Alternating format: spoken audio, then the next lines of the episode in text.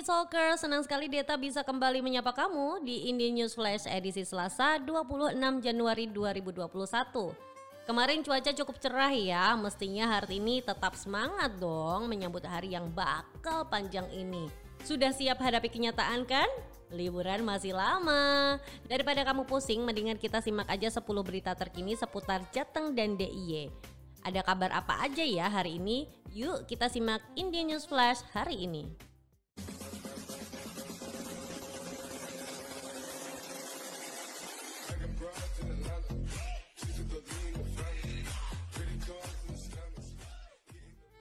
Kabar pertama datang dari kota Semarang. Harga bahan baku tempe tinggi, 5 daerah di Jawa Tengah digelontor 104 ton kedelai. Dikutip dari tribunjateng.com, Badan Ketahanan Pangan Provinsi Jawa Tengah bersama Pusat Koperasi Tempe atau Puskopti menyalurkan sebanyak 104 ton kedelai dalam operasi pasar kedelai pada 5 daerah di Jawa Tengah.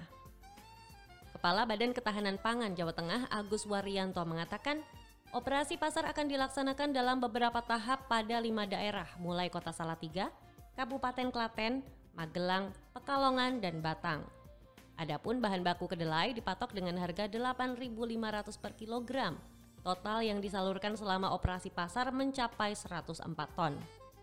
Menurut Agus, penyaluran bantuan bahan baku kedelai untuk perajin tahu maupun tempe diserahkan kepada Puskopti. Ia berharap dengan adanya operasi pasar tersebut, usaha para perajin tahu tempe bisa menggeliat kembali. Ia menambahkan operasi pasar akan terus dilakukan hingga memasuki masa panen kedelai lokal. Hal itu bertujuan membantu para pelaku usaha tahu tempe agar mendapatkan kedelai dengan harga yang terjangkau. Wah, pantas aja yang di Talkers, tahu tempe belakangan mahal sekali ya. Ternyata harga kedelai lagi mahal guys. Semoga dengan adanya operasi pasar harga tempe bisa kembali normal ya. Berita kedua masih dari kota Semarang. Johar mangkrak, pedagang minta segera dimasukkan ke bangunan baru. Seperti dikutip dari jatengtoday.com, para pedagang yang tergabung dalam organisasi Persatuan Pedagang Johar Cagar Budaya atau PPJCB mendesak Pemkot Semarang untuk segera menempatkan mereka di Pasar Johar karena pembangunan dirasa telah selesai. Namun hingga saat ini belum ada kejelasan kapan pedagang bisa menempati lokasi hasil pembangunan yang telah lama ditunggu. Ketua PPJCB Suryo Wibowo menegaskan, para pedagang ingin segera masuk ke bangunan Pasar Johar Cagar Budaya. Pihaknya sempat menerima informasi dari Dinas Perdagangan Kota Semarang bahwa Pasar Johar Cagar Budaya ini siap ditempati awal 2021. Namun hingga sekarang belum ada tindak lanjut atau kejelasan mengenai bagaimana teknis penempatan pedagang tersebut. Ketua Komisi B DPRD Kota Semarang Joko Susilo mengaku memahami apa yang diharapkan oleh para pedagang. Ia berharap pedagang bisa pindah bersama-sama dengan catatan proses pembangunan pasar Johar telah selesai. Ia mengkhawatirkan apabila pemindahan pedagang tidak dilakukan secara bersama-sama akan berpotensi terjadi kecemburuan sosial. Joko berharap akhir 2021 atau awal 2022 pembangunan pasar Johar baru telah selesai seluruhnya. Sehingga awal 2022 pedagang diharapkan bisa mulai menempati pasar Johar Cagar Budaya. Nah, kita tunggu aja ya guys gimana kabar selanjutnya. Kalau memang Pasar Johar sudah mulai ditempati, kita kan jadi punya destinasi wisata baru, ya enggak sih? Berita ketiga, tensi tinggi Bupati Temanggung batal menerima vaksin COVID-19. Seperti dikutip dari jatengtoday.com, sejumlah pejabat di Kabupaten Temanggung, Provinsi Jawa Tengah batal melakukan vaksinasi COVID-19 pada pencanangan di Pendopo Pengayoman Senin 25 Januari 2021. Bupati Temanggung M. Al-Hazik mengatakan sedianya pada pencanangan ini akan divaksin 10 orang, yaitu Bupati, Wakil Bupati, Ketua DPRD, Dandim, Kapolres, Kajari, Sekda, tokoh agama Muhammad Ziaulami atau Gus Lamik, pelaku seni Gunawan, dan Kepala BPBD. Selain Hazik, Ketua DPRD Kabupaten Temanggung Yunianto, Kajari Sunanto, dan Dim Letkol Kurniawan Hartanto dan Sekda Hari Agung Prabowo juga belum dapat melakukan vaksinasi dikarenakan tensinya yang tinggi. Sementara itu Hazik menyampaikan hari ini vaksin telah terdistribusi ke seluruh wilayah Kabupaten Temanggung. Ia mengajak seluruh masyarakat Kabupaten Temanggung untuk bersiap-siap manakala nanti tahapan vaksinasi telah sampai kepada masyarakat. Wah, Pak Hazik kurang makan buah sayur dan istirahat nih ya kayaknya. Makanya tensinya jadi tinggi. Nah, buat kamu Nindi Talkers yang akan melakukan vaksin, jangan lupa ya, sebelumnya perbanyak buah dan sayur serta istirahat yang cukup. Beranjak menuju berita keempat, SMKN 2 Selawi fasilitasi handphone bagi siswa kurang mampu untuk pembelajaran jarak jauh. Seperti dikutip dari tribunjateng.com, kegiatan belajar mengajar masih dilaksanakan secara virtual atau daring baik siswa PAUD, SD, SMP, SMA, SMK, dan sederajat. Tidak dipungkiri dalam pelaksanaan pembelajaran jarak jauh terdapat kendala. Salah satunya ada beberapa siswa yang tidak memiliki sarana handphone karena kondisi orang tua yang kurang mampu. Berkaca dari hal tersebut, SMKN 2 Selawi memberikan fasilitas handphone kepada siswa yang orang tuanya tergolong tidak mampu. Kepala Sekolah SMKN 2 Selawi AR Hartono Melalui Wakasek Bidang Kesiswaan Anggit Budi Luhur menjelaskan, pengadaan sarana handphone untuk siswa bersumber dari kepedulian segenap guru dan staf melalui program Gerakan Orang Tua Asuh atau GOTA yang setiap bulannya menyisihkan pendapatan mereka secara sukarela untuk membantu siswa yang kurang mampu. Dikatakan pemberian sarana fasilitasi handphone pada siswa bersifat hak pakai. Artinya sarana tersebut dipakai selama siswa membutuhkan dan selama masih aktif sebagai siswa di SMKN 2 Selawi. Kegiatan ini dilakukan pada Senin 25 Januari 2021 di aula sekolah. Masing-masing siswa didampingi oleh orang tua atau wali murid dan dihadiri oleh wali kelas, guru BK, dan perwakilan pengurus komite sekolah. Dengan program tersebut diharapkan semua siswa tanpa kecuali dapat mengikuti pembelajaran jarak jauh dengan baik dan menumbuh kembangkan sikap peduli khususnya guru dan staf pada sesama yang membutuhkan. Wah, baik sekali ya hati para guru SMKN 2 Selawi ini di Talkers. Semoga hari ini bisa dicontoh juga buat kota-kota lain di Jateng dan DIY. Tapi jangan cuma handphonenya aja pak kalau bisa sama kuotanya atau pasang IndiHome sekalian. Objek wisata outdoor Banyumas diizinkan beroperasi saat PPKM. Dikutip dari jatengtoday.com, pemerintah Kabupaten Banyumas, Jawa Tengah mengizinkan objek wisata alam terbuka dibuka kembali. Meskipun pemberlakuan pembatasan kegiatan masyarakat atau PPKM di daerah tersebut diperpanjang selama dua pekan, mulai 26 Januari hingga 8 Februari 2021.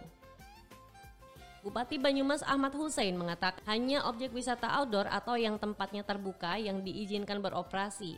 Pihaknya juga melonggarkan jam malam yang sebelumnya pukul 21 hingga 4 waktu Indonesia Barat menjadi pukul 20 waktu Indonesia Barat hingga 4 waktu Indonesia Barat. Kendati demikian, ia mengatakan jumlah pengunjung objek wisata dibatasi hanya 20% dari kapasitas maksimal tempat tersebut. Menurutnya pengunjung dari luar daerah Banyumas tetap wajib menunjukkan surat hasil tes antigen negatif sesuai dengan kebijakan yang telah diterapkan sejak pelaksanaan PPKM. Wah, kabar baik nih buat kamu yang di Talkers yang berencana pengen berwisata bareng keluarga. Tapi tetap terapkan 3M selalu ya. Berita ke-6 datang dari Kota Semarang. Wali Kota Semarang minta warga Tambak Rejo segera huni kampung nelayan. Seperti dikutip dari detik.com, Wali Kota Semarang Hendrar Prihadi mengundang perwakilan warga Tambak Rejo untuk dapat segera menempati kampung nelayan. Pemerintah Kota Semarang telah mendirikan kampung nelayan sebagai wilayah tempat tinggal yang layak dan nyaman untuk warga Tambak Rejo. Hendy yang menerima warga Tambak Rejo di kantornya di Jalan Pemuda menegaskan upaya tersebut merupakan bagian dari komitmen pihaknya dalam menangani persoalan rob dan banjir di wilayah Semarang bagian timur. Salah satunya dengan melakukan normalisasi lima sungai besar, meliputi Kali Tenggang, Kali Seringin, Kali Babon, Kali Banger, serta banjir Kanal Timur. Sementara itu, Kepala Dinas Permukiman Kota Semarang Ali mengungkapkan akan segera melakukan pengundian kepada 97 kakak agar dapat segera menempati kampung nelayan. Oke, okay, so, Oke, semoga usaha Pak Hendy ini berbuah manis ya guys dan ke depannya kota Semarang semakin hebat dengan berkurangnya rob dan banjir di Semarang ini. Berita ketujuh datang dari dunia bulu tangkis Indonesia. Lima wakil Indonesia di BWF World Tour Finalis 2020. Seperti dikutip dari CNN Indonesia, setelah tanpa gelar juara di Toyota Thailand Open 2021, Indonesia masih bisa berharap pada lima wakil yang akan berlaga di BWF World Tour Finals 2020 yang berlangsung di Bangkok, Thailand pada 27 hingga 31 Januari.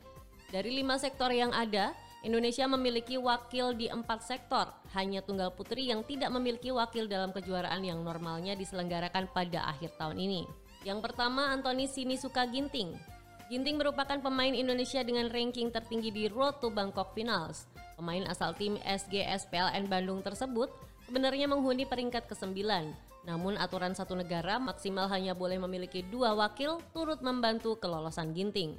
Yang kedua adalah Muhammad Ahsan Hendra Setiawan. Ahsan Hendra menduduki ranking ketiga dalam to Bangkok Finals di bawah Lee Wang serta Aaron Shia Soh Woyik. Yang ketiga ialah Gracia Poli Apriani Rahayu. Gracia Apriani menduduki peringkat pertama dalam daftar Road Bangkok Finals. Keberhasilan Gracia Apriani menjuarai Indonesia Master 2020 menjadi kunci Gracia Apriani tampil di BWF World Tour 2020. Yang keempat, Praven Jordan melatih Deva Oktavianti. Praven melatih menduduki peringkat kelima dalam ranking BWF World Tour Finals. Gelar All England 2020 menjadi salah satu poin penting Praven melatih. Yang kelima Hafiz Faizal Gloria Emmanuel Wijaya. Selain Praven Melati, Indonesia memiliki Hafiz Gloria di sektor ganda campuran. Di ranking BWF World Tour, Hafiz Gloria menempati peringkat ketujuh. Pasangan nomor 8 dunia tersebut meraih hasil terbaik di Thailand Master 2020 dengan menjadi finalis. Wow, semangat ya buat para pejuang bulu tangkis. Ayo ini Talkers dukung terus tim bulu tangkis Indonesia. Berita ke-8. Komjen Pol Listio akan dilantik 27 Januari 2021. Seperti dikutip dari suaramerdeka.com, Polri menyampaikan info bahwa Komjen Pol Listio Sigit Prabowo akan dilantik sebagai Kapolri Rabu 27 Januari 2021. Demikian informasi yang disampaikan Kepala Biro Penerangan Masyarakat Divisi Humas Polri Brigjen Rusdi Hartono. Sebelumnya, kata Rusdi, pihak Istana Kepresidenan sudah memberikan informasi mengenai pelantikan Komjen Listio Sigit sebagai Kapolri. Selanjutnya, Puan mengetok palu pertanda rapat paripurna resmi dibuka dan terbuka untuk umum. Kemudian Komisi 3 DPR dipersilahkan untuk membacakan hasil uji kelayakan dan kepatutan Komjen Listio Sigit. Hasil fit and proper test tersebut dibacakan oleh Wakil Ketua Komisi 3 Ahmad Sahroni. Wah, selamat ya Pak. Semoga Kapolri yang baru ini dapat mengemban tugas dengan penuh amanah. Berita ke-9. Adaptasi perkembangan teknologi dan literasi digital sudah jadi keharusan. Seperti dikutip dari suaramerdeka.com, Menteri Pendidikan dan Kebudayaan Nadim Anwar Makarim menyebutkan bahwa kita harus menyiapkan sumber daya manusia atau SDM yang mumpuni Sebab saat ini ada profesi-profesi baru yang dalam 5 hingga 10 tahun terakhir belum pernah ada sebelumnya seperti YouTuber, influencer, content creator, big data analis, media sosial spesialis, hingga artificial intelligence spesialis. Itulah sebabnya adaptasi perkembangan teknologi dan literasi digital sudah jadi suatu keharusan yang harus dikuasai era saat ini. Oleh karena itu, ia berpesan agar siswa dan mahasiswa vokasi bisa belajar sesuai passion agar berkembang secara optimal. Sementara Direktur Jenderal Pendidikan Vokasi Wikwikan Sakarinto menyatakan, para siswa sejak SD, SMP, dan SMA harus mulai memahami profesi apa yang akan berkembang di masa depan. Untuk itu orang tua, guru PK, jangan sampai tidak mengetahui profesi apa saja yang banyak dibutuhkan di kemudian hari. Wikan berharap ada perubahan pola pikir terhadap orang tua dan siswa di mana masih ada yang menganggap lulusan vokasi hanya jadi tukang, padahal saat ini pendidikan vokasi bisa berjenjang hingga ke pendidikan tinggi. Selain itu, Mendikbud juga memastikan ada sebanyak 900 sekolah menengah kejuruan atau SMK yang akan direvitalisasi. Target besar ini menurutnya perlu didukung bersama karena filosofi pendidikan bukan sekedar muatan yang mengisi pikiran siswa dengan teori, namun untuk menuntun anak-anak bangsa dalam semangat belajar yang menyenangkan. Wah, kalau ini setuju banget nih di Talkers. Memang di era yang sudah serba digital ini kita dituntut untuk beradaptasi dengan perkembangan teknologi ya.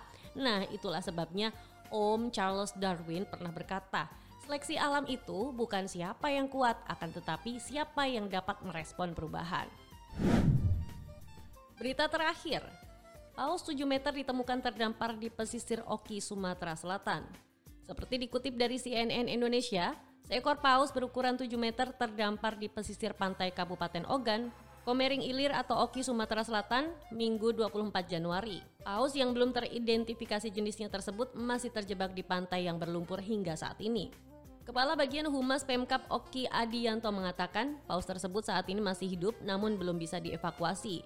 Adi mengaku telah meminta Balai Konservasi Sumber Daya Alam atau BKSDA Sumatera Selatan untuk membantu proses evakuasi.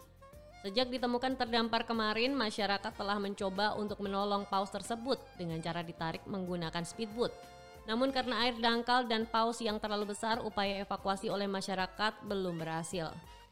Aziz memperkirakan paus tersebut berasal dari kawasan yang tak jauh dari perairan Oki yang berbatasan langsung dengan Laut Bangka. Menurutnya baru pertama kali paus terdampar di kawasan tersebut. Aziz mengimbau kepada masyarakat tak melakukan tindakan yang dapat menyakiti paus seperti menaikinya. Menurutnya, proses evakuasi pun harus dilakukan hati-hati agar tak menambah luka yang diderita paus tersebut. Aduh, kasihan ya yang Talkers. Apakah paus terdampar ini juga sebagai imbas perubahan iklim dunia ya? Yang jelas buat kamu yang plus size, jangan suka tidur sembarangan ya guys. Karena takutnya nanti kamu dikira paus terdampar lagi.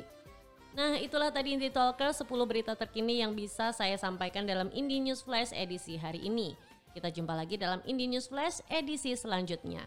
Tetap semangat jalani aktivitas, keep connecting, keep inspiring.